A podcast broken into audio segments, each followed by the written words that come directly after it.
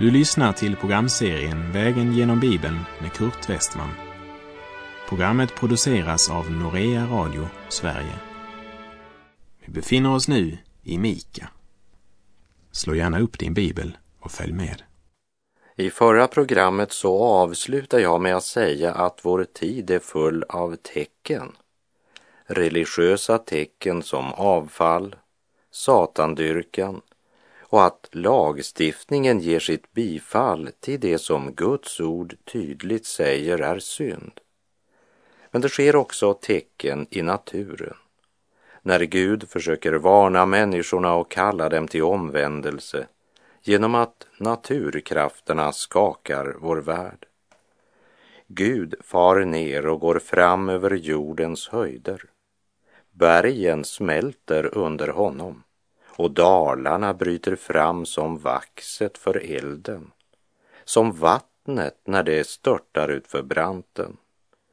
Den ogudaktige säger översvämning är en tillfällighet, men Guds ord säger att Herren talar genom naturkrafterna.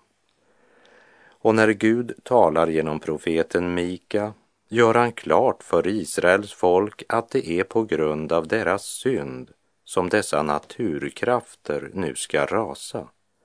Mika bok kapitel 1, vers 5.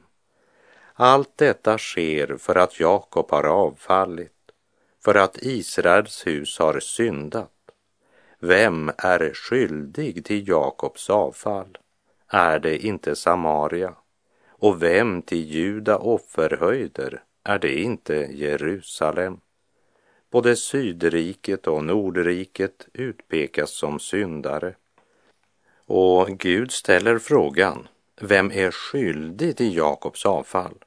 Och Gud hänvisar till huvudstaden, det vill säga landets ledande. Detsamma gör han när det gäller Nordriket Juda. Ansvaret ligger i Jerusalem det vill säga hos landets politiska och religiösa ledare.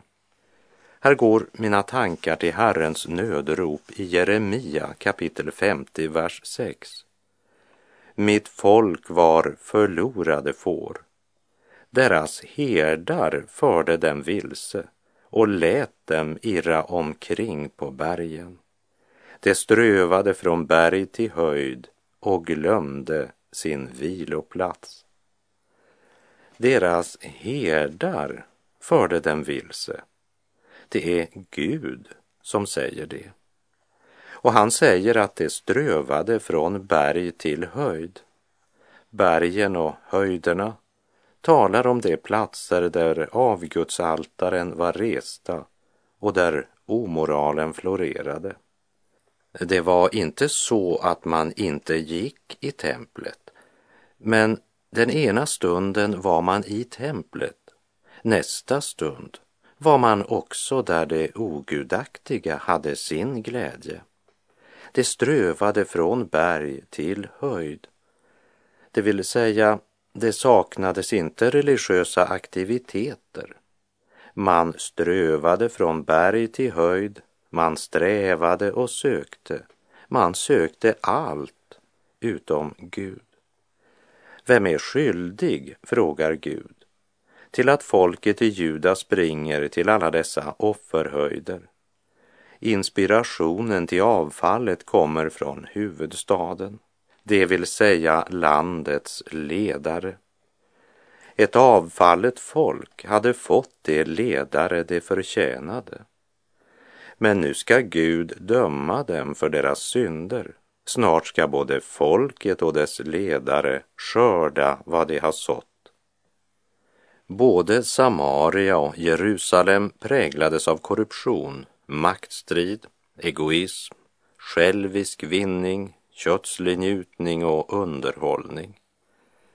Så det som vissa röster idag kallar för den nya moralen, det är ingenting nytt.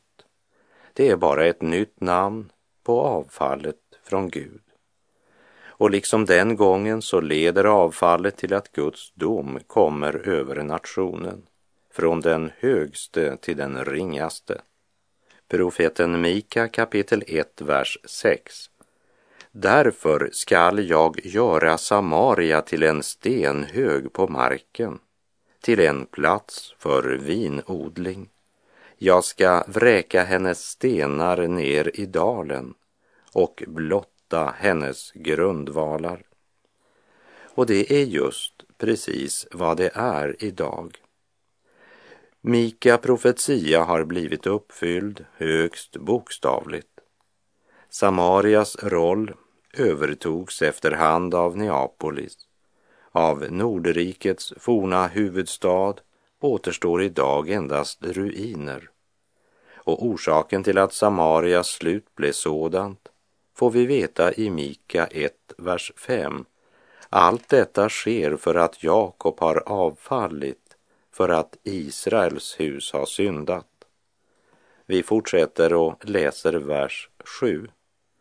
Alla hennes utskurna avgudabilder skall krossas, alla hennes skökogåvor skall brännas upp i eld, alla hennes avgudar skall jag förstöra, ty genom skökolön har hon skaffat dem, och skökolön skall det bli. Den sista stormakt som erövrade Samaria, det var romarna.